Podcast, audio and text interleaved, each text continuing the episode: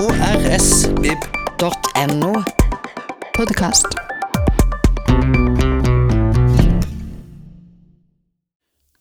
Hei og velkommen til en ny podkast fra Kristiansand folkebibliotek. I dag så har jeg en gjenganger i studio. Eh, Fredrik Vandrup, eh, kulturjournalist i Dagbladet, er tilbake igjen. Velkommen skal du være. Jo, tusen takk skal du ha. Sist gang så snakka vi jo om eh, nobelprisvinneren Bob Dylan. Ja, det gjorde vi. Ja, I dag skal vi vel for så vidt kanskje nevne så vidt det, men uh, nå handler det mer om et jubileum som finner sted i 2017, eller har funnet sted, kan du si. Ja. Det er jo eh, 50 år siden den psykedeliske revolusjonen i musikken, eller i rocken kan vi kanskje si da, mm. eh, fant sted. Så det er jo på sin plass å snakke litt om den nå. ja, det var utrolig mye som skjedde i løpet av 1967 Ja, ikke sant? på rock'n'roll-fronten, det er helt sikkert. Ja. Altså, jeg var jo ikke født i 1967, men uh, du var jo en uh, ung herremann, Uh, Jeg var vel da rett og slett 16 år, 16 år, ikke sant? på min mest mottagelige alder. -huh. Da hadde jeg vel egentlig vært opptatt av rock'n'roll, i hvert fall siden jeg var sånn 11-12. Jeg hørte på Radio Luxembourg og så videre. Ja. Så jeg var, var, var på en måte klar, men det var ingen som egentlig kunne ha forberedt seg på, på det voldsomme spennet av nye, nye lyder, nye grupper, Ja. nye rytmer og nye måter å uttrykke seg på, som, som 1967 bød på. Da. Mm. Det, var, det var en eksplosjon av eh, kreativitet. Særlig fra, fra USA, men også, skal ikke glemme alle, alle beatbandene fra, fra England. Da. Mm. Noen av dem som leda han var jo, som, som alltid egentlig på den tida, Beatles eh, var jo litt foregangsfigurer der også. og, og, altså Beatles kom med to store løft i løpet av 1967. Mm. Eh, På våren kom, eh, kom jo uh, Sgt. Peppers Lonely Heart Club Band. Og jeg husker, jeg husker når jeg satt sammen med en kamerat og hørte på det første gangen, så, så dette, var, dette hadde vi ikke hørt maken til før, også, Ikke sant? Og, eh, på, på mange nivåer. For det første var det jo en munter og, og, og glad tone i plata, på en måte. da. Det var jo innbydelse til et uh, sirkusshow, på et vis. Mm. Og, og så Men så var det, jo, var det jo både disse skal vi kalle det for uh, psykedelisk? Vi kan kanskje komme tilbake til det senere, hva, hva, hva vi egentlig mener med det. Men uh, sånn Lucy in the Sky with Diamonds, og, og som, som veldig fort ble tolket som Lucy in the Sky with Diamonds, LSD. Uh, eller, uh, eller Within You Without You med av George Harrison, hvor Ravi Shankar spilte sitar, Ja, og, og Ringo hadde noen veldig fine ting på trommer. ikke sant? Så, så det var en uh, plate som tok oss med storm. Uh, Day in the Life, som avslutter plata, er jo Mm. ganske eh, en, en he, helt spesiell. Det hadde aldri vært lagd noe lignende. Nei. Lignende eh, den, altså med dette crescendo i midten, sånn orkestercrescendo, og så plutselig skifter låta helt, eh, helt eh, stil, og så tilbake igjen til og, fantastisk veksling mellom Lennon og McCartney da, på den. Mm. Ja, det er et sånn prima eksempel på samarbeid mellom de to, englene. Akkurat Ja, den låta. ja. Det var en jeg ville ha trukket frem som kanskje noe av det, beste, eller av Beatles, egentlig. Nesten, ja. ja. Så den, den plata den tok jo alle med storm. altså Ikke minst f.eks. Beach Boys-guruen Brian Wilson, som satt Mm. på den andre siden av Atlanterhavet og prøvde å matche Beatles. Hadde prøvd å matche Beatles året før med, med Pet Sounds. Ja. Og så kommer denne her Han prøvde å skulle lage noe nytt òg, som var enda mer avansert. Og så kommer Beatles, og kommer han i forkjøpet. og Bare ødelegge for ikke, ikke, lett å, ikke lett å følge opp den. Og så kom det jo på høsten, eh, rett før jul, så kom Magical eh, Mystery Tour. Som også er, er, er, har en del ganske fine låter. da. Er en litt sånn merkelig film som fulgte med. Ja, ikke sant. Ja, for det er vel en kombinasjon av soundtrack-sanger på den ene sida nærmest, og så litt løsrevne singler Ja. og sånne ting på Ja, ikke sant? Men det er jo flotte ting da. Ja. Så, så, og det, det Jeg husker godt den kom. altså. Plutselig var de der igjen, liksom. De var en enorm kreativ periode for Beatles. Ja, ikke sant. Og det, men det, det er også litt snedig når du ser på en del av de her 60-tallsgruppene, kanskje spesielt, da, og spesielt i den æraen her, at eh, en ting er at det kommer en god plate et år, men de kommer gjerne med to og iblant tre plater på et år, ikke sant? Hvordan fikk de tid til alt det? Nei, nettopp. Det er jo helt utrolig. Nei, det må ha vært en veldig, veldig sånn kreativ giv, da. Mm. Jeg vet ikke om det var Enkelte av disse gruppene ble vel drevet litt fram av, eh, av eh, skal vi si uppers, som det heter. Altså Ja, ikke sant? av stoffer som eh, stimulerte aktiviteten. Men, men Det er stoffer som stimulerer aktiviteten. Da snakker vi ikke kaffe. Nei, da var, det ikke, da var det ikke kaffe og heller ikke cola. Nei, ikke sant? Det var ikke sukkerkick som gjorde at de Ikke, ikke havna cola med globoid heller, som det var mange som sverget til den gangen. Så det skulle være i en rus. ja. Men altså, det skjedde jo egentlig ufattelig mye dette året. Vi kunne jo snakka i årevis om det antagelig, men, eh, Ja. men vi må kanskje finne et eller annet system på det. Så hvis vi ser på Vi må vel nesten det. Bevege oss Det, gjennom det begynte jo veldig sterkt. da. Ja. Eh, Allerede 4. januar kom jo The Doors med sin første plate. så Ja, ikke det? Var helt, det, det, det, var jo noe helt nytt. Ja. Da hadde jo, hadde jo, det vet vi jo nå, Jim Morrison ligget i startgropa med både tekster og musikk, og så, mm. og så kommer da det, denne plata. Og singelen 'Light My Fire'. Som jo illustrerer hvordan, eh, hvordan en låt som hadde vært en hit med en, eh, med en søramerikansk gitarist, José Feliciano, Ja. plutselig ble forvandlet til, eh, til sånn rock'n'roll-monster. Altså, ja. Ja. Ja, for det er vanskelig å, når du hører Doors-utgaven, så er det vanskelig å høre for seg noen andre enn dem spillen. Selv om du vet at det finnes Nei, andre han, utgaver. Han men, var sånn supergitarist. Altså. Han lagde noen veldig fine triller på, Mm. på akustisk gitar, men, men her, her kom jo Rulla jo de ut på veien, altså, med den, med den plata. Ja, for Come det- On Baby Light My Fire. Det blir jo veldig sensuelt og, og farlig i, Ja, i sant? hele låta. den er litt sånn dyrisk, eller sånn den der ilden og den, eh, den- det Ja. drivet, da. Ja, ja, det, de bruker refrenget på en helt annen måte. Og, og så var det stemmen til Trim Morrison, da, som, som jo ga en enorm gjenklang. Den dype, suggererende røsten som, Ja, som kom til å prege pop, popen en god stund framover. ja, okay. Ja, det kom jo med en plate til, og 'People Are Strange'. Mm. Samme året, ikke sant. Det er jo enda et eksempel på det, da. Så, og det var jo også noe, noe helt nytt i sånn rocksammenheng. Jeg husker den plata hørte jeg først da på, på svensk eh, radio. Jeg kan, kan kanskje si at vi, var- vi var jo ikke akkurat vi ble ikke akkurat eh, bortskjemt med veldig mye av dette på, norsk, på NRK. Nei, der, der hadde vi Ti i skuddet med Vidar Lønn Arntzen, som var liksom det eneste popprogrammet som var på, på, på radioen. Ja. Eh, inntil da hadde det vært Ønskekonserten. Ja. Så, så vi måtte ty til, til eh, svensk radio, da, for de var veldig P3 på Sverige var, var veldig gode til å fange opp alt det nye. De kjørte alle poplistene både fra USA og England. Og det fikk, fikk vi inn, og vi spilte det inn på svære ruller på Tandbergs båndopptakere. Og spilte det igjen og igjen og igjen. Og, og da husker jeg, jeg husker veldig godt han, han sa Introduserte The Doors, og så- og så kom 'People Are Strange'. ja. When You're a Stranger. Uh, som jo er en filosofisk sett nesten et sånn eksistensielt uh, budskap, da, med mm. sånn fremmedgjøring og ja. Det var ikke Det var ikke, det var ikke 'She Loves You'. si Nei, sånn. ikke sant. Det var akkurat det jeg hadde tenkt på. Ja.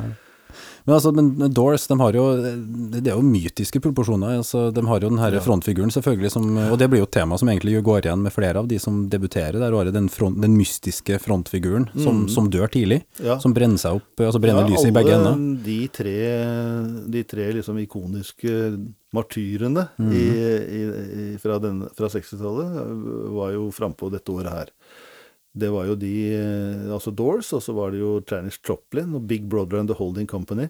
Mm. Uh, Big Brother and The Holding Company var jo sånn, ruf- sånn uh, skikkelig rufseband fra San Francisco. Skrangle, skranglerock, på en måte, da, men voldsomme gitargreier. Masse blues og Veldig mye sånn. blues. Ja. Og, men også noen fantastiske gitarsoloer. Så hun, hun gled, kom jo fra Texas, ung og uskyldig, og ble sugd inn i dette miljøet som, som var ganske steinhardt, og trivdes jo helt åpenbart. Mm. Litt for, nesten litt for godt. Passa veldig godt inn i tidsånden, på en måte. Hun gjorde det, og hun hadde, hadde en stemme som kunne som man ikke hadde hørt siden Bessie Smith. Liksom. så det var veldig, veldig tøft, da. Mm. Den, den der Cheap Trills, som det heter, som, med Big Brother and The Holding Company og Janis Joplin, det er en, en megaklassiker. Mm. Coveret på den er jo dessuten tegnet av eh, en frontfigur i, i, eh, i en annen del av denne kulturen, nemlig tegneseriekulturen. Robert Crumb, som eh, var den som på en måte visualiserte mye av dette her i San Francisco. Og så var det en sistemann som var Timmy Hendrix, og den første plata hans kom jo også da i, i, i 1967. Mm. Så, Det kan vi kanskje snakke mer om etterpå, men eh, Ja, det kommer vel litt gjøre. Men alle de tre, tre uh, dukket jo opp da, og, og brant ut i løpet av en treårsperiode. mm. Så veldig sånn intenst, Veldig intens. intens periode. Ja, og man visste jo ikke da på det tidspunktet hvor farlig, hvor farlig rocken også kunne være. Nei, ikke sant? Alle dem som falt av, på en måte. Ja, nei, da var det, da var det egentlig eh, sånn drømmer om peace and love, love and flowers. Det kom jo masse sånne flower-sanger også. Ja, ikke sant? At, uh, at musikk kunne endre verden. Ikke sant? At Ja. nå, nå tar ungdommen over. Og, Ble De fikk vel følelsen av å være del av en massebevegelse, vil jeg tro. mm. I Norge var dette foreløpig litt fjernt. Jeg tror kanskje ikke at det, dette kom til Norge før noen, eh, noen år seinere. Mm. Eh, og litt sånn smått om senn. Men, eh, og man hørte ikke så fryktelig mye om det heller, for det var ikke dette som dominerte nyhetene. Det var andre ting. Ja. Eh, men, men for de som var i San Francisco og i Golden Gate Park, som var da overfylt av mennesker med rare hatter og blomstrete skjorter og firkanta solbriller, og, og satt og røkte sigaretter med mystisk lukt, de, de, de, de fikk nok følelsen av å være en del av en revolusjon. Liksom. Mm. Det er litt morsomt du skulle nevne akkurat uh, det nå, for så vidt. For det var jo i januar at den herre uh, Human Be In fant sted i uh, Golden Gate Parken i San Francisco. Det var vel der Timothy Leary snakka om Timothy Leary var jo eh, selveste LSD-profeten. Ja, ikke sant. Det der ordene 'turn on, tune in, drop out' var vel det, Ja, det var ja. der han på Ja, måte faktisk, ja, deklamerte. var jo-. Det var jo hans uh, slagord. Mm. Så, og, og, og da mens det amerikanske samfunnet på den andre siden var, var ganske uh, hardt.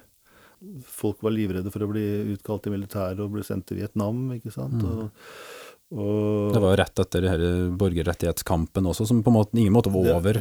nettopp heller. det jo det, det var jo egentlig i full sving Mm. på, de, på denne tida. Martin Luther King, enda en som for så vidt han døde vel året etter. Han døde året etter, ja. Bob Dylan var jo nede i sørstatene sammen med Beat Seeger og sang for f- fattige, fargede befolkning. Ja. Eh, og, så, og de, disse, disse borgere, Sammenstøtene mellom, eh, mellom eh, undertrykte og det amerikanske skal vi si, politi- og militærapparatet, det, det var jo en del av nyhetsbildet. Absolutt. Og voldsomme kamper, altså det Ja, ja. liv gikk med, ikke Et, sant? etter hvert var det ganske tøft, ja. Mm. Så det var ikke klimaks i Det var vel kanskje litt, litt seinere, 1970 kanskje, da, da fire studenter ble skutt på campus eh, På Penn State, tenker du på? på Kent State University. Ja. Det, så det var eh, Det er klart, de hadde jo, no, de hadde jo på en måte en motstander òg, da, disse. Ja, altså det var en sånn kamp, men det, det var kanskje Ja. derfor det ble såpass stort at du, på man følte at man måtte samle seg og stå sammen om et eller Ja. annet, og noen felles verdier og Ja, nettopp. litt sånn da. nettopp. Og liksom anti-atomvåpen og Ja, antikrig i det hele tatt. Etter hvert så kom det jo til store demonstrasjoner mot Vietnamkrigen. Mm. De, de var jo, bidro jo sterkt til å skape etter hvert en opinion i, i USA mot, mot den krigen. Mm. Det var jo tross alt eh, Det var vel over 50 000 soldater som døde der nede. Så det var jo mange som var, følte at de var personlig involvert. Ja, ikke sant. Det, finnes, det er jo de ikoniske bildene av eh, rekka med soldater som står med geværene, Ja, så har du noen, et eller annet blomsterbarn som kommer og legger liksom blomster ned i Ja, de, de, de går og deler blomster og putter Ja. oppi eh, geværløpene. Ja, det er sånn hyperikonisk, er egentlig. veldig. Ja, ja, ja, ja. Hvis vi prøver å gå, bevege oss videre i denne Ja. slags kronologien vi har Ja eh, da, ja. Jeg vet ikke om vi er egentlig ferdig med The Doors, egentlig, men vi blir vel egentlig aldri det. Altså, det er jo egentlig aldri helt ferdig med det. det de som- kommer jo med ganske mange plater på den korte tida de spilte. da. Det var vel to i året nesten Ja. i snitt. Og jeg har jo sett på film seinere hvordan uh, Jim Morrison hadde sånne nesten sånn show på scenen. der Unknown Soldier. Ja. Hvor han, hvor han ble henrettet og skutt på Ja. scenen. Og liksom det var Maskingeværlyd fra trommene, nærmest. ja, da, veldig, veldig teatralsk. Men Og veldig politisk, egentlig, ja. kan du si. Selv om, selv når jeg tenker Doors, så tenker jeg ikke egentlig politikk. Jeg tenker mer altså, kombinasjonen av sånn, hva skal vi kalle åndelighet, eller mm. sånn eh, Mm. Ja. mystikk, da. Kanskje mer det som eh, omgir dem. Ja, altså Jim Morrison var jo veldig opptatt av poesi. Mm. eh, Og var jo dypt inspirert f.eks. av den franske poeten Arthur Rimbaud. Mm. Som, som noen ville kalle den første rocker, egentlig. Altså en, som herjet Som også slutta ung, for så vidt. Slutta fryktelig ung, bare 19 år gammel. Så var han ferdig på, med, med poesien, og så gjorde han andre ting. Men, eh, men han, han var jo en sånn type i, eh, i Paris på det, på det Skal vi si 100 år tidligere, eller Mm. drøyt det. Så, så, så han var han, Morrison var veldig søkende. Han, øh, han leste også Aldous Huxley, da, altså 'Erkjennelsens porter', ikke sant? 'The Doors of Perception'. Men det var i hvert fall der han fikk, øh, fikk, mm. fikk navnet Doors. Så, og det, var, det relaterte jo også til stoff Ja, ikke sant. hos øh, Huxley, han som skrev 'Vidunderlig ny verden'. Mm.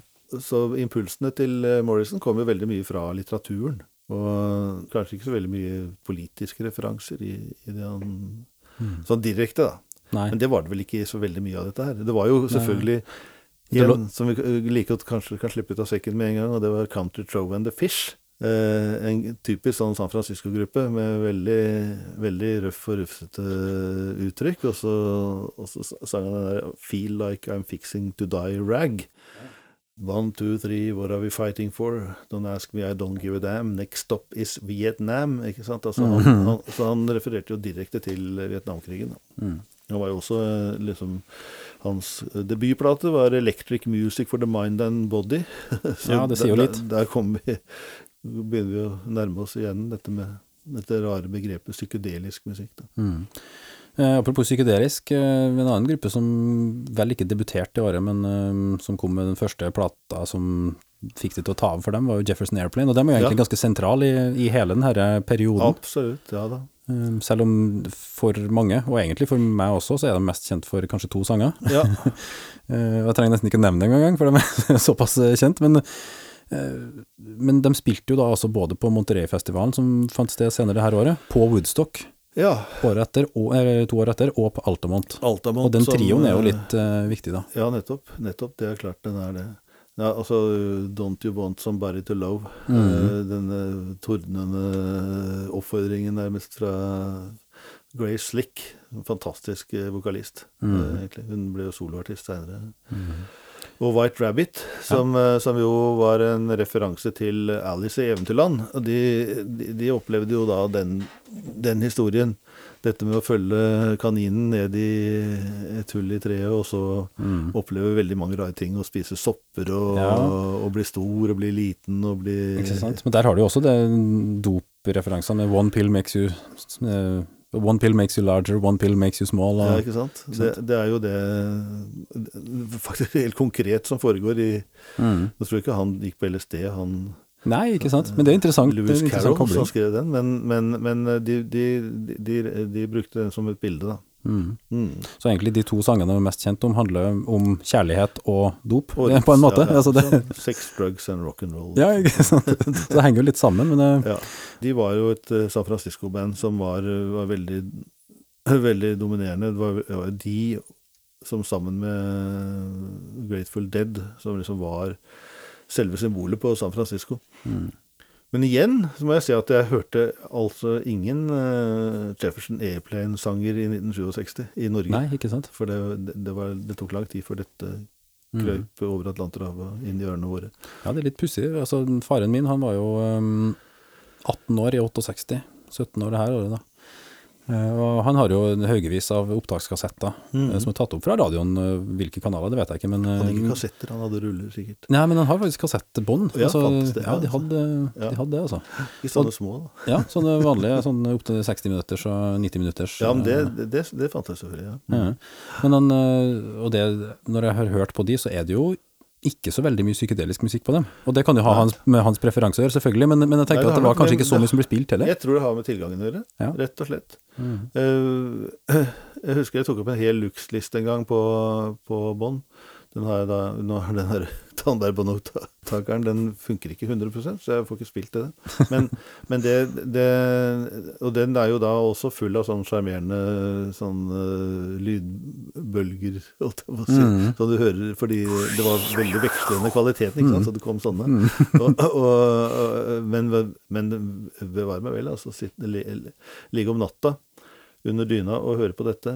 Mm. Det er mange som tror at vi lå under natta og om natta under dyna fordi ikke, vi ikke fikk lov av foreldrene våre å høre på den. Det er ikke det som er tilfellet. Det var rett og slett slik at eh, mottak, mottakingen av disse kanalene var, eh, var, var- var bare mulig å få om, om natta. Ja, okay. Da det var mørkt. Jeg vet ikke hvorfor, men, men, men sånn var det. Om dagen var det helt håpløst å få en Radio Luxembourg. Så Ja, noe med radiobølger, åssen det beveger seg gjennom lufta. jeg tror det. Ja, ja absolutt. Så det var Radio Lux og, og svensk P3 da, som var, Mm. var kanalene. Da tok, tok man jo opp alt som kom. alt Ja. som var mulig. Pluss at det selvfølgelig var mulig å kjøpe plater. Men det var, det var også tilgangen begrensa, vet du. Mm. Mm. Men vi må nevne en annen debutant som eh, kom det her året, som egentlig representerer noe litt annet. Ja. Eh, For 12. mars så kom eh, Velvet Underground, en Nico, ut. ja. Og det, altså det, det tilhører jo på en måte litt det samme tida, men det er en litt annen vinkling på det. Ja, sett i ettertid så er jo det en historisk plate. Men den foregikk Den ble tatt opp i et helt annet univers, da. Det var Nå snakker vi New York. Eh, The Big Apple, riktignok, men, eh, men, eh, men det var ikke epler disse her først og fremst eh, konsumerte. Det var Dette var, det, dette var bakgatene i, i Bowery på Manhattan, og om disse her på vestkysten røkte marihuana og, og tok eh, bevissthetsutvidende stoffer, som det heter. Så var det, mer, var det nok mer heroin og syre i, i årene til disse gutta her, når de spilte inn. Og Lou Reed var jo en av dem. Han ble jo en eh, helt sentral skikkelse i rocken, både som tekstskribent og som komponist. Og denne første plata er jo snytt rett ut av disse, disse bakgatebildene fra New York, altså. I'm waiting for my man, ikke sant. Altså, hvem er the man? Det er mannen som kommer med dopet. Eller Ja, det var jo langt seinere, da, da, da Lou Reed på mange måter oppsummerte det hele i Walk on the Wild Side, ikke sant. Ja, ikke sant.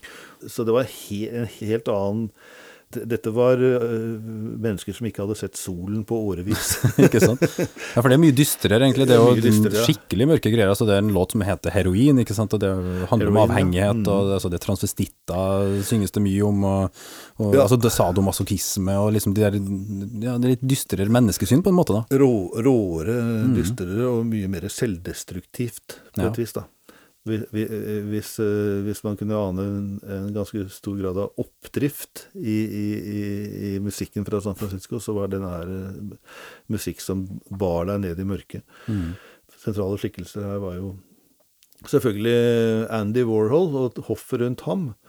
Og så, og så var det da diktere som uh, William Burroughs og Allen Ginsberg og altså disse beat Ja. beat-forfatterne. som- Burroughs også var jo tung heroinmisbruker mesteparten av livet sitt. Ja, ja. Han bodde jo i Marokko for sikkerhets skyld i årevis, mens han skrev på den boka som het 'Naken lunsj', som jo er helt klart en sånn inspirasjonskilde for, for, de, for denne, denne musikken. Mm. Det var rå og tøff, men også, også veldig melodiøs noen ganger, da. Mm. Sunday Morning er jo en Morning. kjempefin, sånn lett, fin sang. Og, og hun Nico, dette merkelige mennesket fra Tyskland som kom over til, til USA og forførte alle. Ja. Jeg tror, var, det ikke var det ikke Leonard Cohen som, eh, som sørget hele livet for at han ikke klarte å få sjekka opp Nico?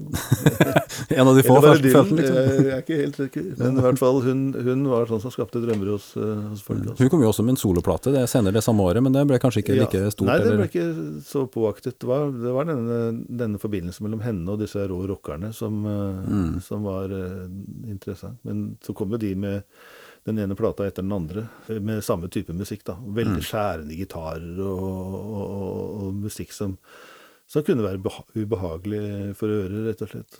Mm.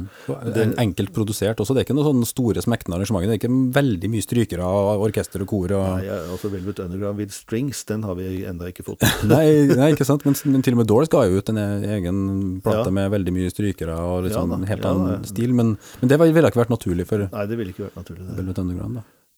Disse musikkstedene var jo omtrent som bunkere, ikke sant. Uten Ja. vinduer og Mm. Det kan jo nesten ses som en sånn eh, litt sånn punk-estetikk, eh, mye av det de Ja, driver på med. og de var jo klart forbilde for punkerne, når Ja. punkerne kom. For jeg tenker liksom, det er en sånn slags logisk progresjon med Velvet Underground. Ja. Kanskje Stooges eh, også driver med litt det samme før det på en måte, den aggresjonen og Ja. der liksom dystre og mørke kommer ut i mer sånn Ikke sant? Voldsom form. de var jo også tidlig ute, egentlig. mm. Mye tidligere enn vi hørte om dem. Mm. Men, eh, men det er helt riktig, altså. Det, så det, det, det, det, var motsatsen til, rett og slett, til, til den mer, det, litt mer ly, lyse uttrykket, tross alt, som, Mm. som man fikk fra vestkysten. da. Og når du først snakker om det lyse uttrykket du fikk fra vestkysten, så samme uka som Mm. eh, den eh, Velvet Underground og Nico-plata kom, Ja, så debuterte Grateful Dead. Og det blir noe annet igjen. Det, men, Da- ja, men det, det, det, er- er interessant å liksom se de, de to bandene som, uh, som på en måte likeverdige, men på Mm. hver sin side av Amerika. da. Uh, fordi Grateful Dead hadde jo hadde en helt annen, et helt annet lys i, i musikken sin. En Annen tilnærming, liksom. En annen tilnærming, både til, og i tekstene også. altså Mye mer poesi, da. Mm. Det var jo en som heter Robert Hunter, som skrev mange av tekstene til eh, Grateful Dead. Han spilte ikke sjø- sjøl i bandet. Og han var, han var jo på mange måter en, eh, en eh, veldig dyktig forfatter.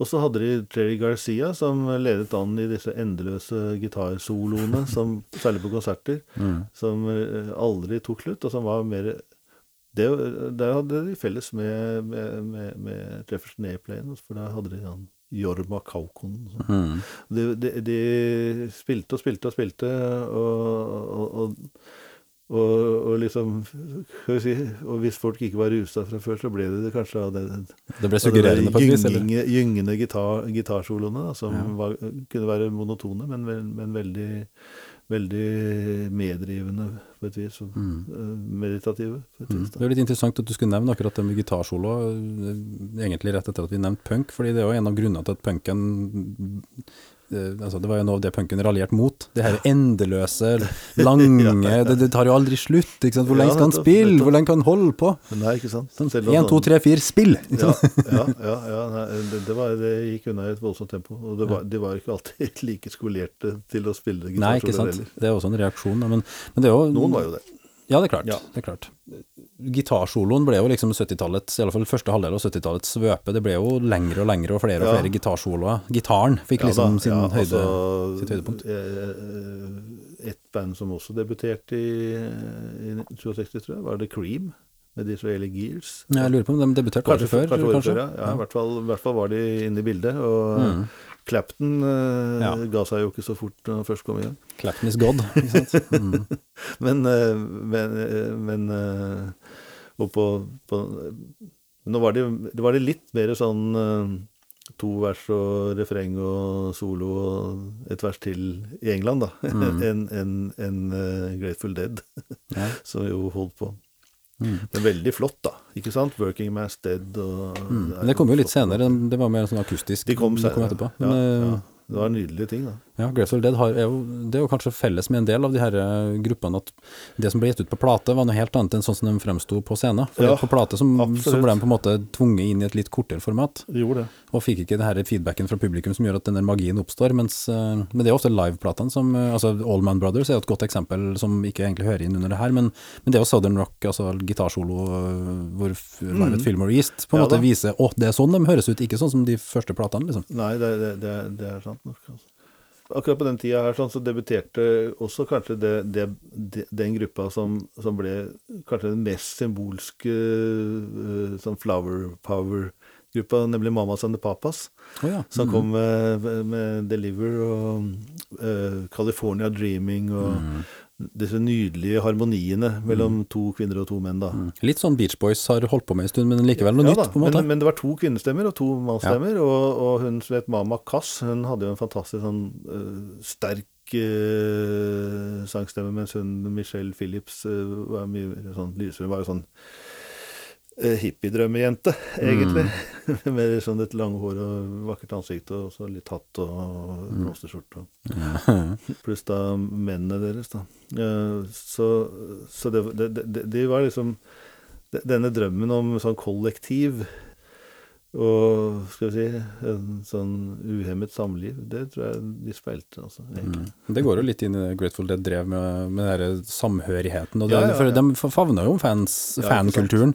Det at det alle ble oppfordret Eller det ble i hvert fall ikke nekta folk å ta sine egne kassettopptak eller båndopptak av konserter. Nei, Dele på Så- bytte og ikke sant. hadde man jo ikke akkurat mobiltelefoner med opptaksutstyr, så, så skulle jo litt til da, egentlig, Ja. å drasse med seg båndopptaker ut Ja. der. Men, men det finnes jo forbløffende mye sånn bootleg. Ja, det gjør det. Jeg har sett noen bilder fra tidlige Grateful Dead-konserter hvor du ser utover publikum, og der er det nesten Ja. sjokkerende å se hvor mange som står med forseggjorte så stativ, Ja, mikrofoner og store Ja, kontrapsjoner som krever mye strøm, og helt utrolig opplegg. Og det ville vært utenkelig på de fleste konserter hvor det da er opptaksforbud. Ja, Hvor du blir bortvist, men de sier ja, del, ta, ta det opp, del det med vennene dine, vi er alle en del av det samme. Ikke sant? Den her, det er jo litt den hippie-ånden på en måte som Det er sant, det. fremstår da. Nei da, men det, var, men det var jo veldig Altså, eh, bortsett fra de tingene vi snakker om nå, som, som er sånn litt sånn uh, avantgardistisk eh, rock, så var det jo kom det jo masse soul, for eksempel. Aretha Franklin dukket Mm. opp. I Never Love The Man, The Way I Love You. Mm. Og countrymusikk. altså Merle Haggard, I'm a Lonesome Fugitive, som jo nå er, er mer sånn Han er jo blitt mer trukket fram seinere, som sånn outlaw-countrymann. Eh, alt dette eksisterte jo side om side med, med, med denne rocken, da, Mm. kan du si. Du, du nevnte innledningsvis eh, Country Joe and the Fish. Uh. Ja, hvem er det? Uh, ja, hvem er det? Altså, han Country Joe, han, eh, han, han eh, ble en sånn litt eh, ikonisk skikkelse av at han alltid hadde på seg bandana når han sang.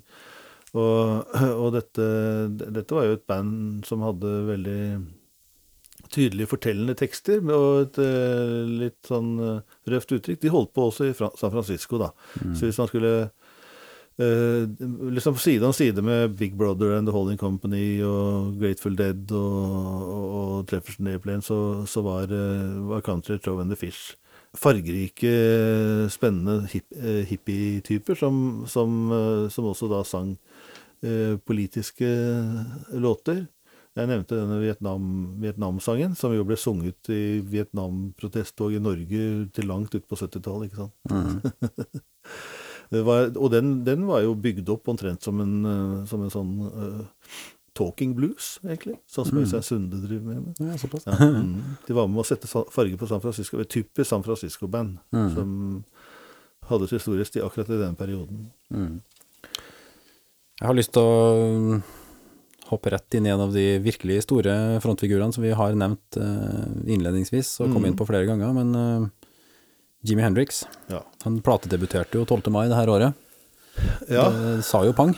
Det sa jo, sa jo Pang, så det, så det holdt, det. Så Are you experienced?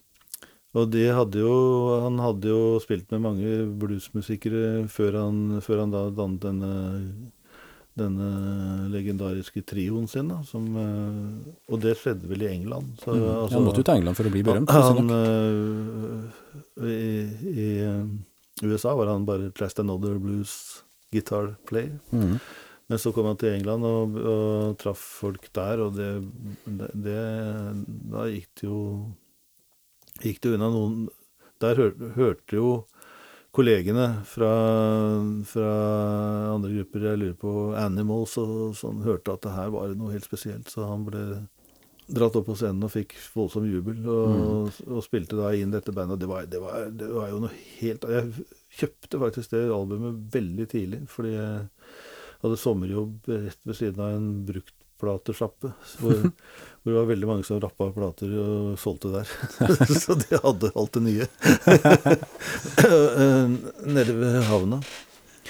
Så, så det syns jeg så innmari spennende ut. Og så, han var tidlig på TV, men var det så tidlig som som i 67, for da viste NRK sjokkerende nok altså På et eller annet tidspunkt viste de i hvert fall sjokkerende opptak med Jimmy Hendrix, som spilte gitar med tenna, og så spilte gitar bak på ryggen og, og sånn, ikke sant? At det går an, liksom. At det går an. Er det mulig? så fyrverkeri på scenen. Og, og, og, og han gærne der. Ja. Men vi så jo ikke opptakene fra, fra Monterey hvor han tente på gitaren sin og, og, og, og sånne ting. Men han, Men han var altså egentlig så stor at han ble en begivenhet, nærmest. ja, han ble litt, sånn, litt mer sånn mediebegivenhet, også Ja. pga. utseendet sitt med denne voldsomme afrofrisyren. Ja. Det var det ikke så mange som hadde sett før. Han spilte jo i en del år backing-gitarist til Little Richard. Han er også en sånn farg, Ja meget fargerik eh, performance, men helt sikkert lånt noen triks fra, vil jeg Ja, for det var veldig Ja, han, han lærte sikkert eh, noe av, eh, av Little Richard. Skulle vel godt gjøre så ikke lære noe av han hvis han er på, på scenen. Han var ganske spektakulær. Mm. Uh, men, så, men så hadde han jo da denne gitarteknikken og disse enorme hendene som kunne ta rundt hele og ta grep nesten fra baksida med tommelfingeren. Eh, og, og spilte jo på en, på en måte som ingen hadde, ingen hadde hørt før. Han spilte jo omvendt, da. Han spilte jo venstrehendt. Det er også litt det. interessant Ja, ja. ja. for mange. Ja. Han og Paul McCartney. Ja, ikke sant. Eh, Men, eh, men det jeg, jeg, jeg- må innrømme at, at jeg fikk, hadde problemer med den plata. Altså, da jeg, i 16 se- 16-årige Fredrik Vandrup hadde litt problemer med, å- Ja. med å få Jimmy Henriks inn under huden. Altså. Hva var det som eh, Nei, det var nok for at det var veldig mye støy og, mye, eh, og masse umelodiøst og sånn. Altså, var kanskje mer, mer vant til at ting i hvert fall hadde en, hadde en, hadde en melodi. ikke sant? Mm. Eh, men noen av, noen, av platen, noen av låtene var jo sånn Kunne vi plutselig høre skikkelig sånn Foxy Lady. Sånn. Ja. Men det var tøft. Det var kjempetøft. Og jeg tror ingen, ingen, prøvde å gå Henriks i næringen, for jeg tror ingen som Ingen turte, rett og slett. turte Ja, For det var en spektakulær teknikk. Altså, det, det, det er en av de der eh, gitaristene i dette tilfellet som, som kommer ut hvor du, du tenker at nå har han endra på Nå måten du spiller instrumentet på. Ja, nettopp. Men, eh, men eh, altså Kanskje før Stevie Ray Vaughan dukket opp, så var det Van Halen var kanskje en annen. Ja, det var kanskje, og han hadde selvfølgelig kjempeinnflytelse på heavybandene som kom Ja, utover 70-tallet. Ja. Eh, Men, men, eh, men å spille som han, det, det ville kreve sin, eh, sin mann. Så Ja.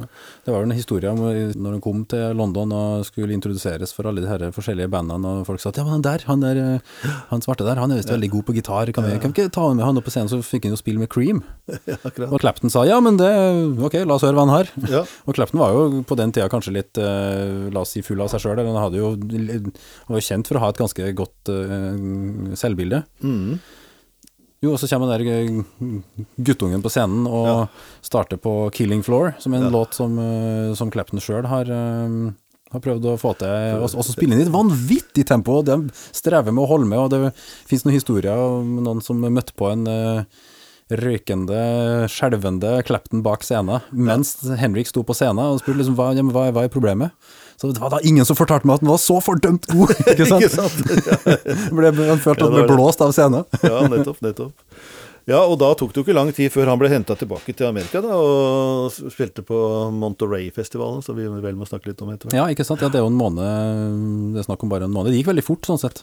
Ja, Han kommer, han kommer til London i 66, og så innen det hadde gått et år, så var han plutselig et navn i hele verden, egentlig. ja, ja. Sånn sett. Eh, Men vi kan jo, siden du nevner det, vi kan jo um, Du vet, eh, Noe noe som bortsett rett før en Monterey-festival så debuterte jo en annen artist. ja. Men det vakte ikke så veldig stor oppsikt. Tenker du på Bowie? Tenker på David Bowie. Ja. Interessant. Er Han debuterte faktisk debut. så tidlig, altså. ja. Og den debutplata, den er ikke Den er vel ikke like bra som det som kom senere, kan vi vel være enige om. Det holder seg ikke som noen klassiker, liksom. Det var, det var ikke noe Are You Experience der. Han gikk mer sakte inn i For det var mer visesang og rolige, fredelige Ja. ting, men Ja, det var først eh, et lite stykke ut på 70-tallet at han slo ut i full blomst. Men, men det er interessant at han faktisk var på banen allerede der, da. Mm. Eh, Men du nevner Monterey-festivalen, for det er, jo, det er også et element med det her hippiekulturen, det her med de store gratis rockefestivaler. Det ble Ja. jo en greie. Ja, nettopp. Og Monterey, det var jo den gamle byen til Trond Steinbeck, ikke sant, I, på vestkysten av USA, i California, langs med Stillehavet der, eh, med Big Sur på alle kanter, og så Det hadde vel vært en festival før, hadde det ikke det, Tore? Det altså Jo, det stemmer. Det, det var ikke den første store festivalen. altså Den første het da, og det her må jeg slå opp, for den hadde det fengende navnet KFRC Fantasy Fair and Magic Mountain Music Festival. Ikke sant? Eh, men den, der kom det altså 30 40 30 40 000 eh, besøkende. Omtrent det samme som, eh, som altså i samme størrelsesorden Ja, som. Monterey.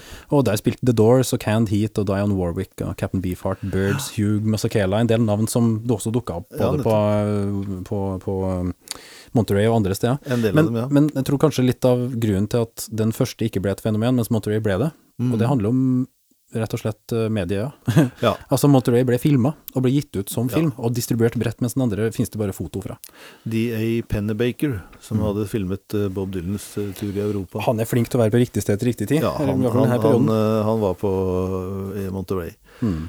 Og der var, det var jo også en, en festival For det første var det jo Det var jo liksom peace and music. Mm. Det var ikke noe opptøyer og bråk og slåsskamper og sånt som festivaler seinere ble preget av. Men, eh, men folk satt stille og rolig og røyka og hørte på musikk. ikke sant? Mm. Dansa var- kanskje? eller- Dansa sikkert litt, ja. Sikkert, gjorde sikkert litt andre ting sammen også, vil jeg tro. Men ja, sånn det, det. jeg tror alt var lov, da. Mm. Men, men det, det, liksom, hvis vi tar, tar noen høydepunkter derfra, så var det jo Altså det var jo Jimmy Hendrix, da. Mm. Som jo, som jo eh, plutselig viste hvilken vanvittig artist han var. Mm. Og som endte opp da med denne herre eh, nesten sånn rituelle brenningen av gitaren. Altså det var jo triks. Han hadde jo lighterbensin utover gitaren, og så brente den, liksom. Og det trikset hadde vi visst gjort noen ganger før. Han hadde visst gjort det før, ja, men eh, da, nå kom det på film. ja. Det, altså, de bildene har jo blitt vist igjen og igjen og igjen. ja, det er jo det mange forbinder med han.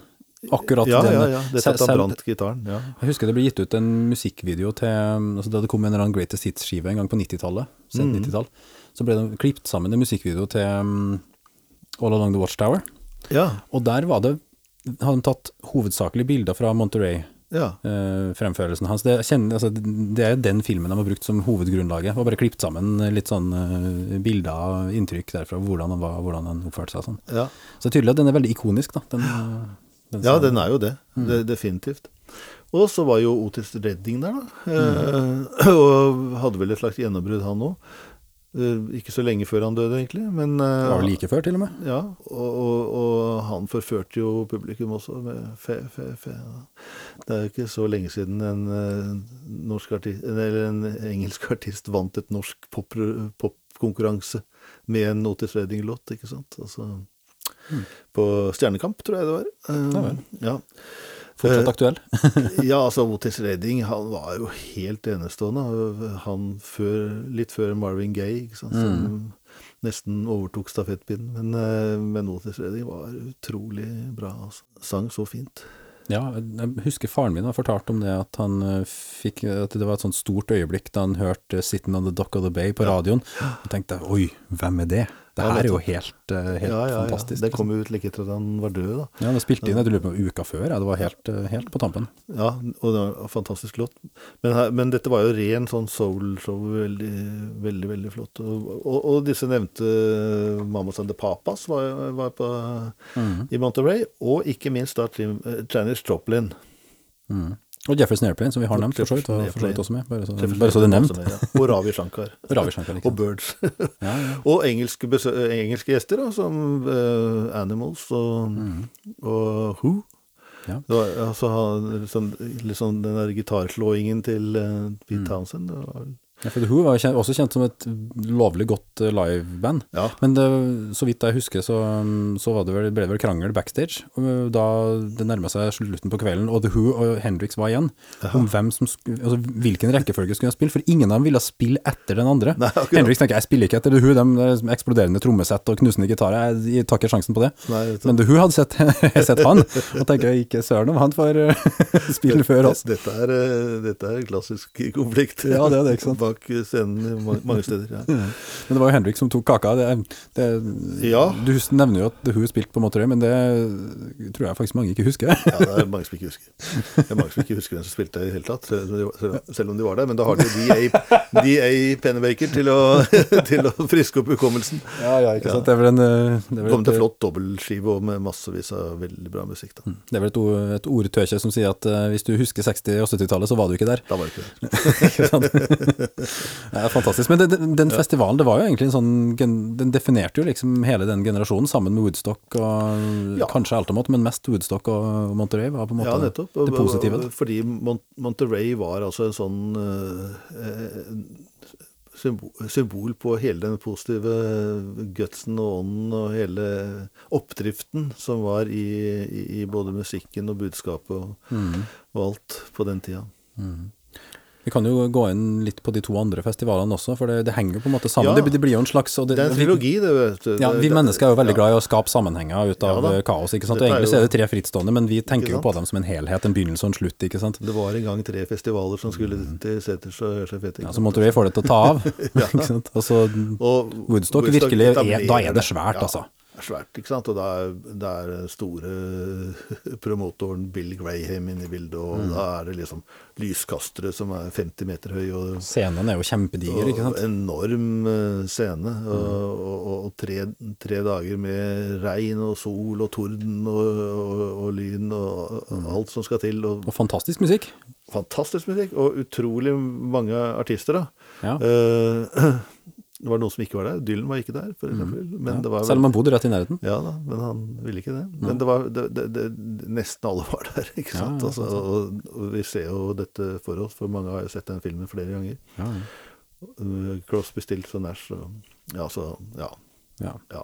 Veldig, veldig veldig mange Og opptaler. Dennis Joplin òg var Dennis. Joplin og Jefferson Airplane. Og Ikke sant? Og Jimi Hendrix. Ja, Hendrix. Hendrix avsluttet jo det hele med Og, og da kan du kanskje si at han, at han, at han på, med sin versjon av Stars and Stripes eh, amerikanske nasjonalsangen, hvor han spilte den så ut som et, eh, som eh, et angrep i jungelen. Han Altså- ødela han jo nærmest. Altså det ble jo ja, han rev og, og kjørte liksom. på med, med, med, med, med rakettnedslag og maskingevær og Mm. hele dritten. Og med helt, helt nesten overtydelige referanser til Vietnamkrigen. ikke sant? Mm. Så, så han politiserte på et vis hele festivalen Mm. eh, gjennom den siste, siste låta si der. Altså, Mm. var, og, og, og på filmen så blir jo den brukt som bakgrunn for en sånn uh, hvor de sveiper over med kamera over eh, stedet etter at det, folk har forlatt det. Ja, ikke sant. Som etter et slag, nesten. Som etter et slag, ja. Ja. Og det ble født folk på Woodstock, og det døde folk på Woodstock. ble unnfanget ganske mange, var- tror jeg. Ikke sant? Og det, unnfanget massevis, ja. Så det var, eh, det, det, det var liksom et, et helt, eh, en hel verden som, eh, som eksisterte der i noen, noen få timer. da. Mm. Jeg husker ikke hvor mange hundre tusen var det. Det husker kanskje du? Nei, det, det tallet Det tror jeg faktisk ingen har noe eksakt tall på, men, men det er snakk om flere hundre tusen mennesker. For de brøyt jo ned gjerder, og mm. alt var jo Det ble jo et logistisk mareritt Ja, ja. egentlig å få mat da? Eller det her, bare Ja, vi se jo han, vi husker jo han der eh, som stakk huet opp eh, noen ganger og Good morning! What we have in mind is breakfast for 500,000! og, og som advarer mot uh, The brown acid that's around here. And please avoid that. It's not specifically good. Altså, så, så det var informasjonstjenesten var også i orden. Ja, ja, ja, ikke sant. Men, It's a free concert from now on. ikke sant? Fordi de hadde jo ikke kjangs til å ta billettpris. Nei, det var helt umulig. Men, men det viser jo litt egentlig det her hippiekulturen på, kanskje på sitt beste. Ja, og noe av de Ja. nedturene selvfølgelig, men, men egentlig mest på sitt beste. Hvor du har det Logistikken bryter egentlig sammen, og det er, liksom, det, det er kaotisk, og det er, det er en rar smørje, og det været er dårlig, og det, liksom, Ja. det er masse ting som ikke funker, og så blir det kjempebra. Så Liksom. blir det kjempebra. Og Ingen, ingen angrer på at de kom dit. Og, Nei, og om folk er helt sånn Ser ut som de har vært i sånn gjørmebryting, så, så spiller det ingen rolle. Alle var enige om at det hadde vært en fin tur, ikke sant? ja, ja, helt klart.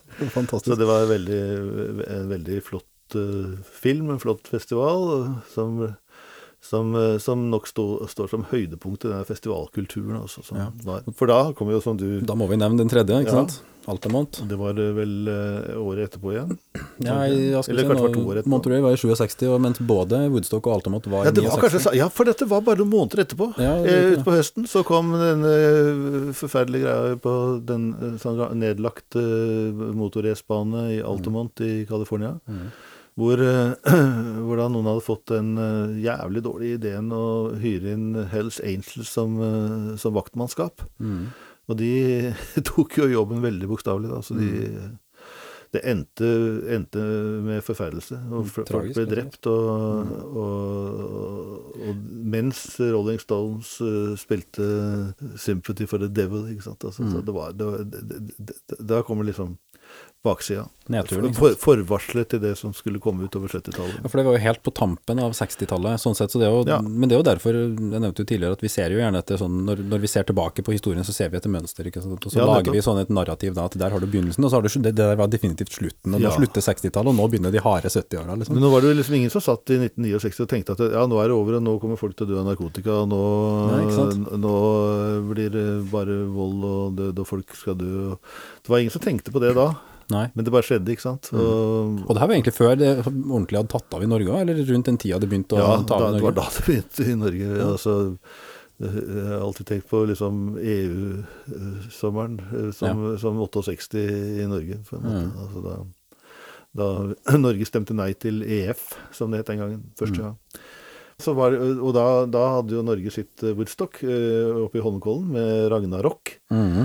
Hvor jeg var til stede, det var jo Ja, det var det. det var fr- fr- fryktelig morsomt. da. Det var en veldig, en veldig flott eh, konsert. Men når var det her? To eller 73? Mm. Ja, men i hvert fall da Det, det, var eh, masse band da, internasjonalt fra- frammøte. Jahn Teigen eh, sto fram i all sin prakt. Popol Wu. Mm. Og, og uh,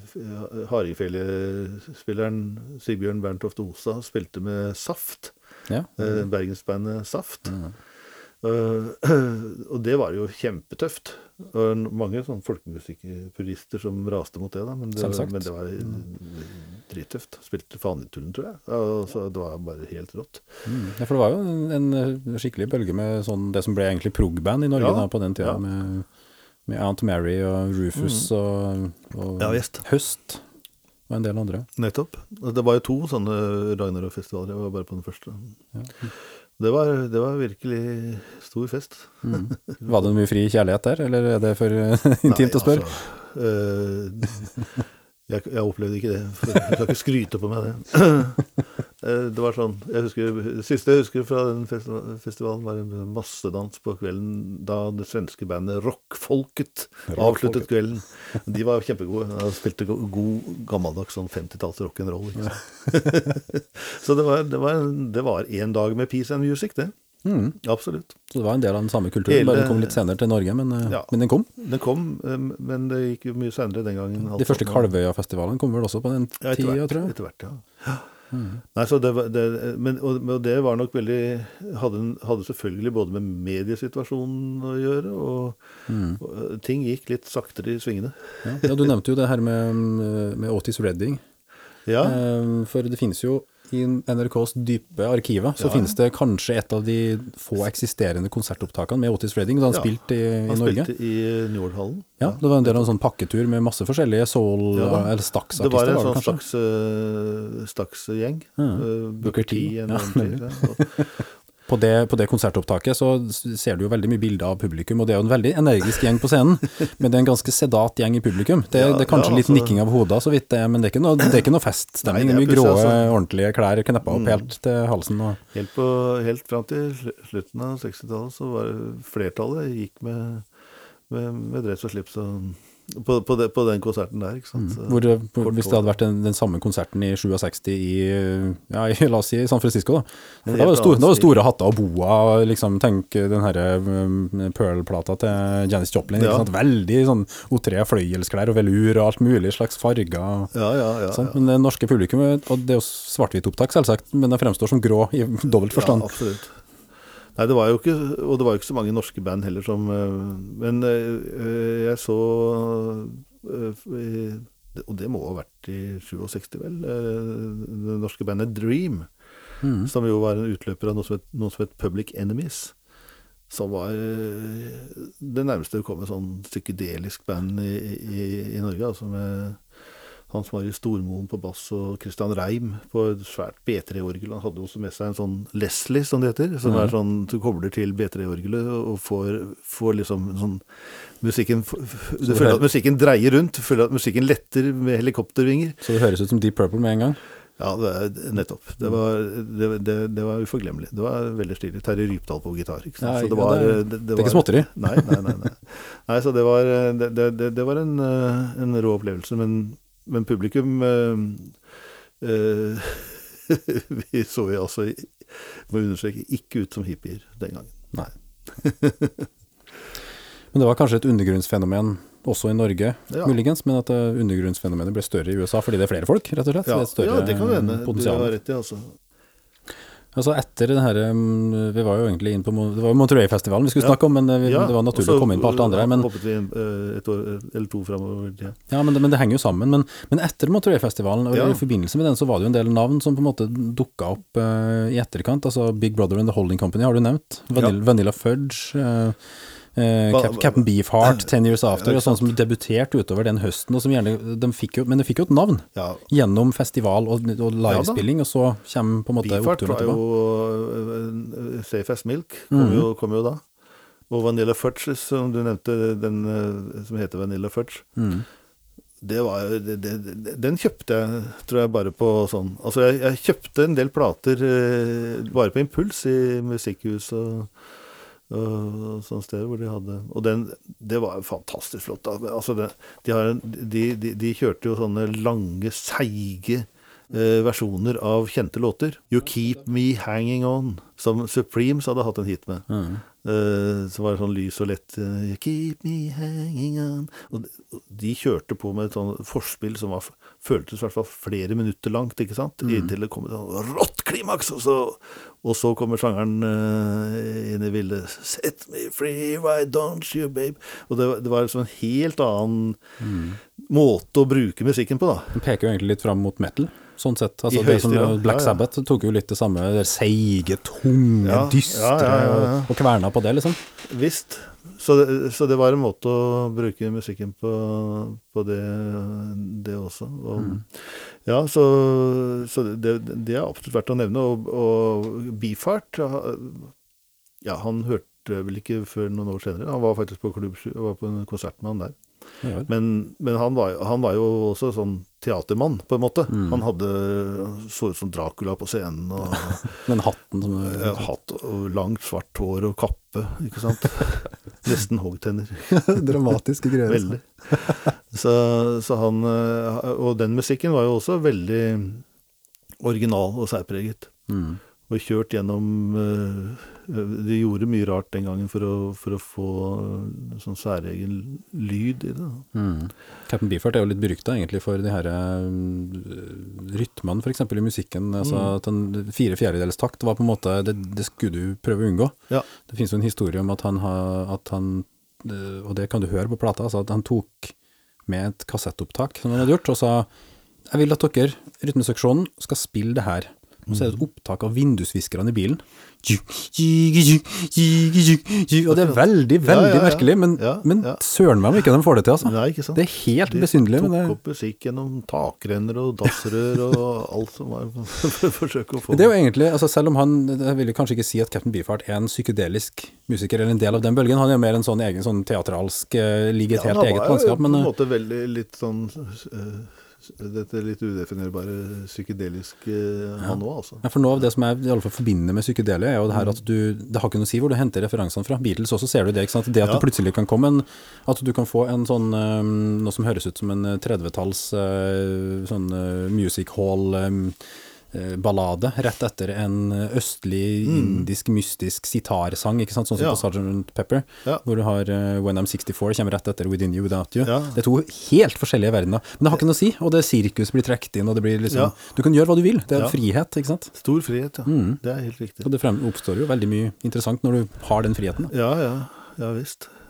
Nei, jeg vet ikke hva Altså, dette med psykedelisk eh, Det, det ligger jo i det at, eh, at man forsøker å lage en sånn slags musikalsk uh, gjenskapning av, den, av rusopplevelser man har hatt, da. Mhm. uh, psykedeliske uh, rusopplevelser. Og til det så bruker man jo selvfølgelig Det er veldig mye gitar, da. Altså, og, og lange soloer. eh, og Men også veldig mye effekter. Veldig mye sånn Mye eh, effekter. baklengs og sånn loops, forlengs. det går baklengs, sant? og, og ting går, i, går litt sånn i, i, i loop. Mhm. Masse, masse ekko, masse ekko. Og så, og så veksler de mellom høyttalerne. Altså, Ja. Stereo var jo kommet, ikke sant, for all del. Mm.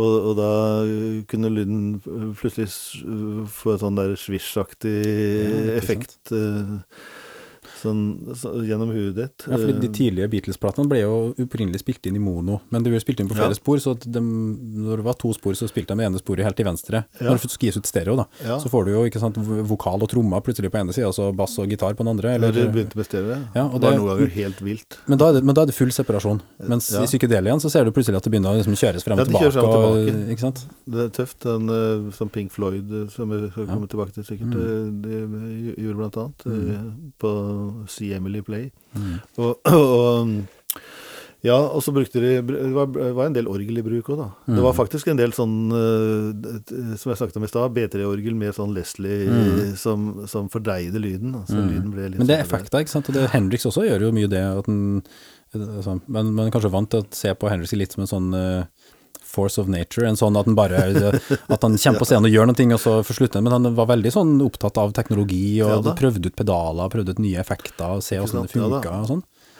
Og så må de ha holdt på mye med mikker òg, for det, noen Mm. ganger så er liksom stemmene også veldig for, fordreid på en måte Mm. gjennom mikrofonen. Ja, Beatles var jo kjent for det, for dem Uh, Lucy in the Sky with Diamond er Ja, ikke sant. Og det å spille, eh, bruke effekter på vokal som aldri hadde blitt gjort på vokal, men det var sånn, egentlig en gitareffektboks. Men ja, Ja. la oss se hva som skjer hvis vi kjører vokalen igjen. Hva Ja, skjer hvis vi, hvis vi plasserer mikrofonen nede i piano, pianokabinettet Ja, ja, når vi synger? Og, ikke sant? Masse lekenhet, da. Mye lekenhet, absolutt. Mm. det, det er vel det som særpreger det. Mm. Men det er jo mange, veldig mange forskjellige ting som blir kalt for psykedelisk, så det er jo Mm. liksom vanskelig å kom, komme helt inn i roten av det. mm. Men nå utgis det en god del eh, Det har jeg sett, altså, eller jeg har kjøpt også, en del eh, sånne eh, engelske CD-samlinger med, med sånn rare cuts. Mm. Ikke sant? Sånn det heter. Nuggets. Ja, nemlig. Som, eh, med, med musikk som eh, nesten ingen har hørt før. De, de har funnet fra de gamle singler og, Mm. og sånn helt ukjente band. Eh, For det er veldig mye gøy å høre, da. Ja. Og alt sammen, du hører at det er tidstypisk, Ja. men, men for veldig forskjellige premisser, liksom. Du, kan, du kan liksom navngi nesten hvilket år det kom ut. Som, Ja, liksom, omtrent, ja. ja, den bruker den effekten. Da er det etter Sgt. Pepper, ikke sant? Eller da er det før Og det er særlig 60-tallet som, som, eh, som dominerer på, på disse utgivelsene. Da. Ja. Og da er det ikke sånn, sånn 60 great Uh, songs from 1967, liksom. Dette er 60 not so great Ja, ikke songs. sant. Det er hummer og kanari, men det er utrolig mye perler. Det er jævlig gøy, da. Ja. Det er kjempemoro å, å, å høre på. Så. Og um, et band som da på et vis kan sies å ha gått inn i det psykedeliske mer helhjertet enn uh, mange andre, var Rolling Stones, som Mm. uh, utga denne plata som het uh, Her Satanic Majesty's Request i 1967. Mm. Det er en rar plate. Det er en er plate som på en måte er eh, et slags sånn Vel, det er vel et forsøk på å utligne Sergeant Pepper. Det gikk ikke. Nei, det Men- gikk ikke. Men, og det var mye rot i forbindelse med innspillingen når Brian Jones var borte. Altså, da uh, Brian Jones var ute, han måtte på nerveklinikk, og så at eh, studioarbeidet ble litt, eh, litt så som så. Um, men, eh, men det som kom ut, er jo ganske interessant, da. Nå er- jubilerer de jo for det nå, er 50 år siden. Mm. Eh, og det var noen sånne Noen av låtene som var sånn Det er en som heter 2000 Light Years From Home. Altså litt, litt sånn ut i rommet. Og prøver, å, prøver også da å, å lydmale den, den, denne opplevelsen av å være, være ute, i, ute i rommet. da. Mm. She's a Rainbow Det er veldig fine låter innimellom, og så er det mye rart. Og mye, mye sånn world music-aktig blanding av eh, rytmer og, og musikk. Det er artig du skulle trekke den parallellen til Beatles og Stones. Den blir jo sammenligna hele tida. Ja. Men, men det er jo, du kan kanskje si at Beatles lyktes med Den fikk det på en måte til å henge sammen som en helhet, mens Rolling Stones er litt mer sånn løse tråder. Ja, skal man, skal man si noe om akkurat det, så vil jeg si at det gikk hver sin vei. Altså Beatles gikk, i den, gikk eh, inn i det eksperimentelle og det eh, skal vi si, nyskapende på rockens premisser. Eh, mens, eh, mens Rolling Stones eh, vendte seg Gjorde sine beste ting når de, når de gikk tilbake til blues og country og, og, og gjorde sine, sine egne va- varianter av det. Det som de tross alt begynte med. da. De begynte jo som et blues-coverband. Ja.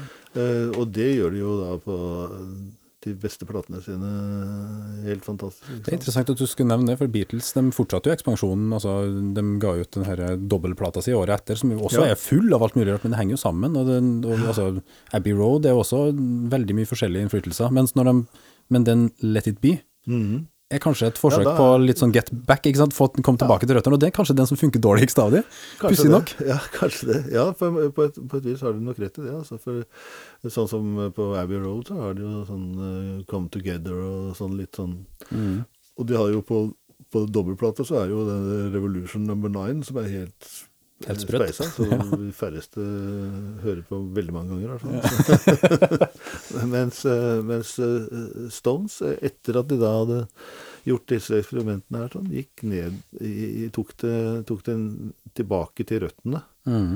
Og det gjorde de jo bedre enn eh, bedre enn noen, da. Mm. Mm. Et band vi må innom, Ja. eh, også fordi det er en av mine favoritter, det er Ja. jo Pink Floyd. ja. Som Nettopp.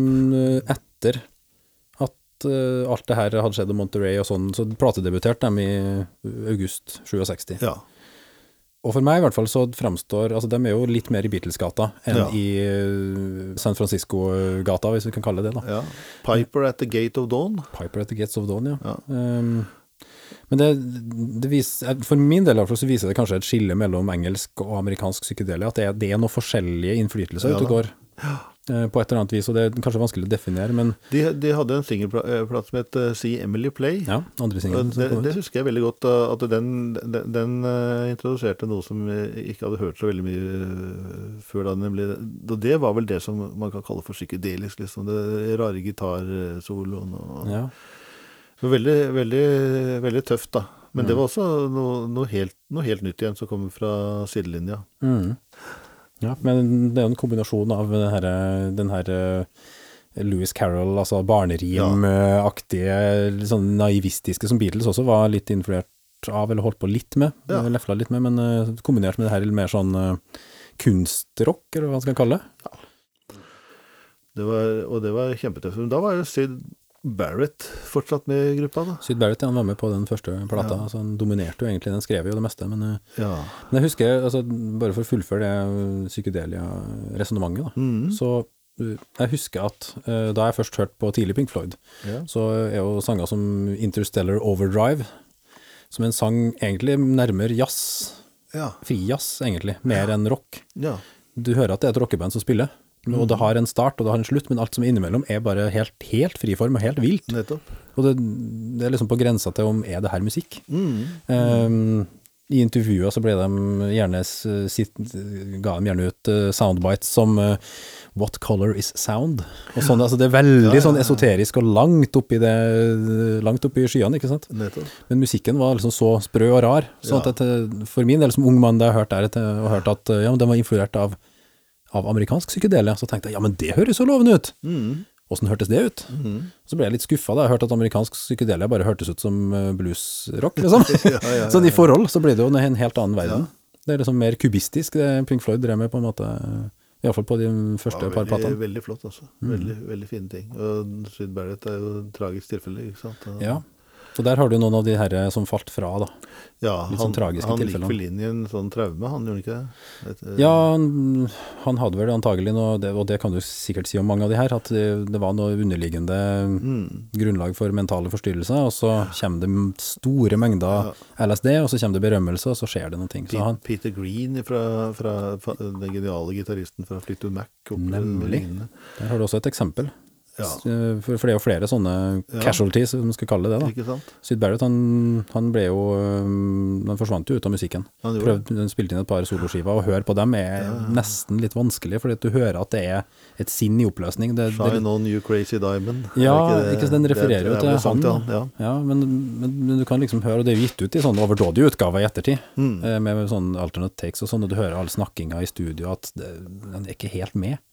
Han flytta hjem til mora si ikke sant, og døde ja. av diabetes som gammel mann uten å ha blitt noe mer. Skip Spence, som var med i eh, Starta Quicksilver Messenger Service. Ja, de um, var med på debutplata til Jefferson Airplane. Uh, Stifta Moby Grape, mm. som har alle de tre spilt på Monterey. Han ga ut én plate sjøl, i 69, som heter Or, hvor han spiller alle instrumentene. Og du hører at han har jobba i studio for seg sjøl i månedsvis, og bare gjort hva han vil. Men der også er det litt sånn Du hører at han er ikke helt ved sine fulle fem. Han er ikke helt i vater. Nei, ikke sant. Og der har du dop og rusmisbruk, og da har du liksom nedturen, ikke sant. Og du nevner Peter Green, ikke sant. Ja, Peter, Green, men altså det kanskje mest kjente eksempelet er jo Rocky Eriksson, Eriksson fra den Texas-gruppa som het 13th Floor Elevators. Som, eh, og han, han har jo også en del tekster og sånn som går rett inn i, inn i noen ganske, ganske tøffe mareritt, tror jeg. Mm. Eh, og ble borte. Altså, Altså, Eller vil si ble, ble, ble ute av, ut av, kurs da, en lang stund. Mm. Men så kom han tilbake igjen og har spilt konserter og sånn. eh, Ja. Brian Wilson er jo kanskje også et Brian eksempel. Wilson er jo selvfølgelig et eh, Sant. Du nevnte jo han. Ja. Han, han, han skulle, det var jo mens han spilte inn den Smile-plata, som, Ja. som etter det man har hørt av opptakene og det som eksisterer, høres jo helt vanvittig bra ut. Ja da. Men det ble aldri fullført. Det Liksom. ble ikke fullført på den tiden. Det kom Nei. langt, langt senere. Mm. Ja, Good Vibrations eh, lagde han da Den kom i 1966. Mm. Det var vel også, og ble også trukket fram som, som litt sånn eksempel på psykedelia. Den, Ja, den derre fordreiningen i, eh, i, i midtpartiet, eller i selve refrenget. Mm. Og det at eh, altså, det er den studioleken, den friheten at du kan bruke noe så frittstående instrumenter som cello og, og termin til, å- Mm. til å danne grunnlaget for en, for en rytmeseksjon. Altså det, Ja, ja. det skal det Nei, da jo ikke fungert jo, det hadde jo skjedd en del i studio, siden de liksom uh, sto fire mann oppå hverandre omtrent i, i studios med en mikrofon i midten, Ja, og. Elvis og sang. Men det hadde jo skjedd en del, ja. Og Phil Spector hadde jo revolusjonert alt dette her med å Mm. vise at det gikk an å trekke inn et par-tre symfoniorkestre Mm. Det var plass til dem, liksom. sammen med, med rockerne. ja. Jo, så det var, det, det, det, var veldig spennende med at Pink Floyd også kom midt oppi dette her, da. Altså, det, dette året endte jo med at de to, de to store på hver sin side av den canadiske grensa, Bob Dylan og Leonard Coven, de kom jo med plater på tampen av året. Og for Coven var det en debutplate. Han var jo ikke akkurat noen debutant, for han hadde jo, øh, var jo en stor forfatter allerede i, i Canada. Men så kom han med denne 'Songs of Leonard Cohen', som jo ble starten på et uh, musikalsk eventyr Mm. for hans vedkommende. Men det var noe helt annet igjen, ikke sant? Mm. For det var så stillferdig som det gikk an å få det. det, det, det, det du, måtte, du måtte nesten ha et, et bål som ikke lagde for mye bråk uh, hvis du skulle sitte ved bålet og høre på Lena Coven. Veldig stilig. Mm. Uh, og, så kom, og så dukket Bob Dylan opp igjen etter masse rykter og ting om at han hadde vært utsatt for motorsykkelulykke og, og var ute av spill og etter Blond om blond, ikke sant. Så, så kommer plutselig da denne fantastiske John Wesley Hardin, som har navn etter en eh, lovløs i Det ville vesten. eh, stavet litt annerledes. Og så, og så eh, med, med sånne slags countryballader. da. Delvis filosofiske countryballader, med henvisning til alt fra Bibelen til Shakespeare. Mm. og, og westernmytologi og, og, og ting. Veldig, en veldig finstemt plate, men den, den de som hadde venta seg en ny Blond on Blond, Mm. eller eh, Highway 61 Revisited, Den ble skuffa. eller Subterranean Homesick Blues, mm. de ble skuffa. ikke sant? Så det, det, det, da ble Dylan litt sånn avskrevet av, av noen, da. Han blitt sånn, litt sånn gammel og kjip. Ja, Men ikke av Timmy Hendrix, som straks hørte potensialet i en av de låtene. Og det var jo eh, All Along The Watchtower, som jo er en sånn, eh, sånn litt sånn Hamlet-aktig pastisj. Og Dylan er jo den første til å, til å være med på at uh, Henriks versjon av den, det er den endelige, liksom. Ja, han har jo spilt den bruker omtrent, sånn. Han bruker den sånn, han òg. Ja. Jo da. Mm. Så skal vi, skal vi kanskje også nevne at det en av de, en av de store hitene det året, som, eh, som eh, gikk igjen og igjen og igjen, og som avsluttet danseaftener over hele verden, det var altså 'White the Shade of Pale' Ja, med Procol Harum. Som jo, som jo også trakk inn eh, Bach og klassisk musikk i, i- inn, i, inn i rocken. da. Mm. med en besynderlig tekst som jeg tror ingen noensinne har skjønt hva egentlig betyr. Det kan man vel si om mange av de her, eh, av de her platene, for så vidt. Ja, ja, Det er ikke alt som henger på grep, eh, for så vidt. Nei, jeg ser jo det, og det er jo massevis av, av eh, svære band som er, er i sving i, i, i, utkanten av det vi har snakket om eh, som her. Altså. Mm. Men denne det er revolusjonen som vi har kalt det egentlig, da, som fant sted i 67, altså en musikalsk revolusjon, altså det, eh, det er jo egentlig, på mange måter så er det hovedsakelig i rocken det finnes det, men den forgrena seg jo veldig utover. Altså Ja. du, du, du snakket jo om at um, altså Robert Crumb, tegneseriekunsten, var på en måte en del Ja, av det her, eh, og så ble det jo et sånn eget estetisk preg på det. eh, Jeg, jeg tror kanskje at uh, magasinet Rolling Stone Ja, eh, kom eh, i 66. Det Nei, 67. I hvert fall så var det et eksempel på at rocken fikk en skriftkultur. ja. Og at, eh, at eh, det dukket opp en hel haug med veldig ambisiøse journalister Mm. som, eh, som ikke bare skrev om, om musikk, men også om andre ting eh, som hadde relasjon til, til rockekulturen. ja. Hunter Thompson var jo, ble jo stjerne gjennom, eh, gjennom Rolling Stone-magasinet, Ja. og er jo fortsatt eh, Ja. for mange. Det var inspirert av beat-kulturen òg, Ja. så, så det var på det litterære og på film, ikke sant. Altså, Mm. Det kom masse film etter hvert som, som hadde eh, relasjon til, eh, til rock and roll. Mm. Surffilmer og motorsykkelfilmer, og, og, men også Easy Rider er Easy kanskje et godt eksempel. slutt, ja, 69 kommer den. den, den var en sånn slags så, sånn kunstmotorsykkelfilm. For Ja. de fleste motorsykkelfilmene var jo langt fra, langt fra så sofistikerte som den. Mm. Uh, men men, uh, men rocken fikk også da en sånn uh, filmkultur rundt seg. Eh, og, og innenfor bildekunsten Mm. Du nevnte Andy Warhol her, ikke sant? Og Liechtenstein og popkulturen Popart, ikke sant. pop-art. Mm. Uh, så, så, det var, så rock, rock ble et mye bredere fenomen Mm. enn en, en, en, det hadde vært. da. Ja, Det gjorde det helt klart.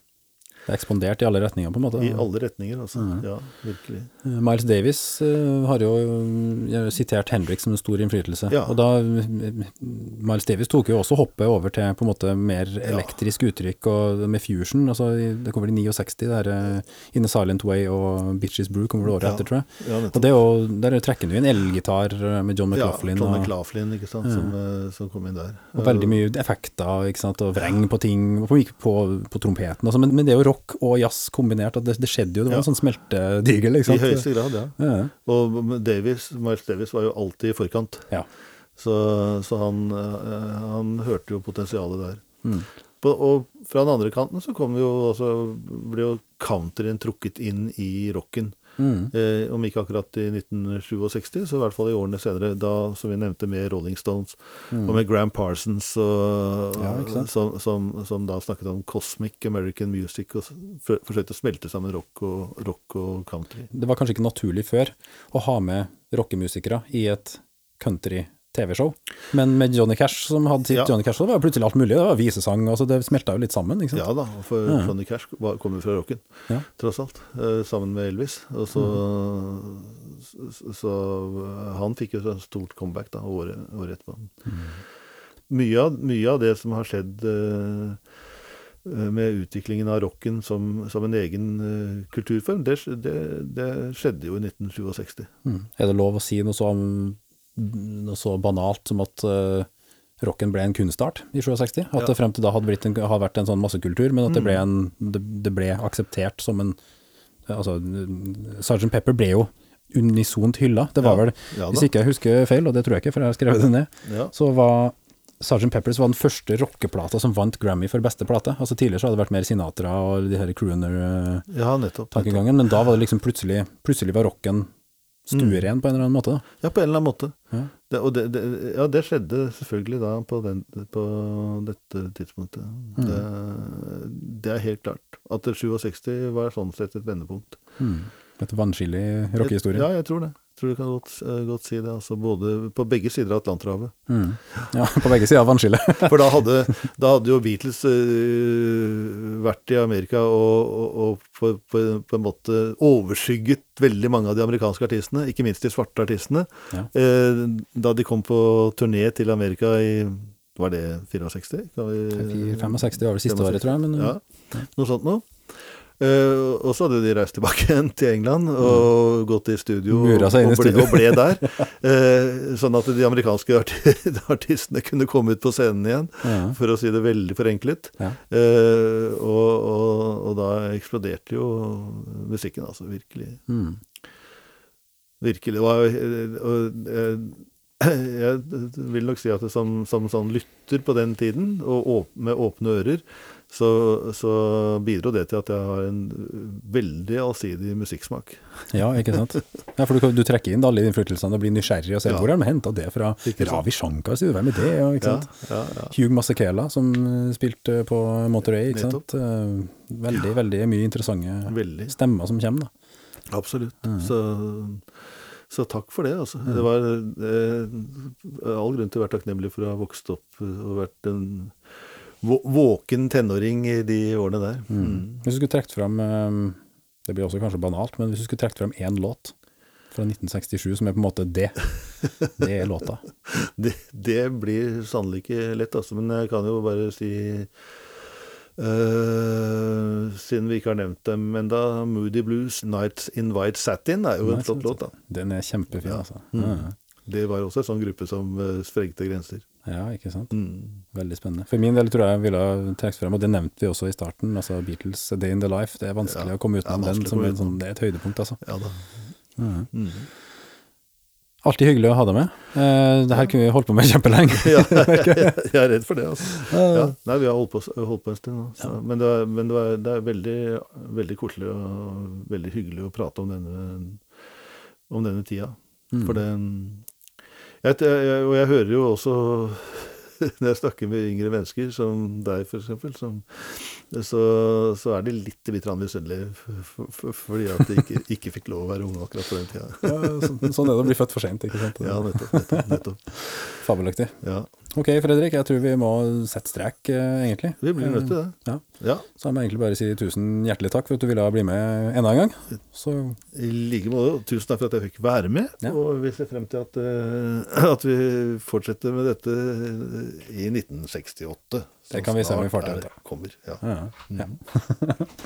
da gjenstår det egentlig bare å si tusen hjertelig takk for at du hørte på. Jeg heter Tore Fjelstad, og sier takk for nå, og på gjenhør. Flere podkaster fra oss finner du på Google Podkast, Apple Podkast eller iTunes, eller ved å stikke innom vår hjemmeside på krsbib.no.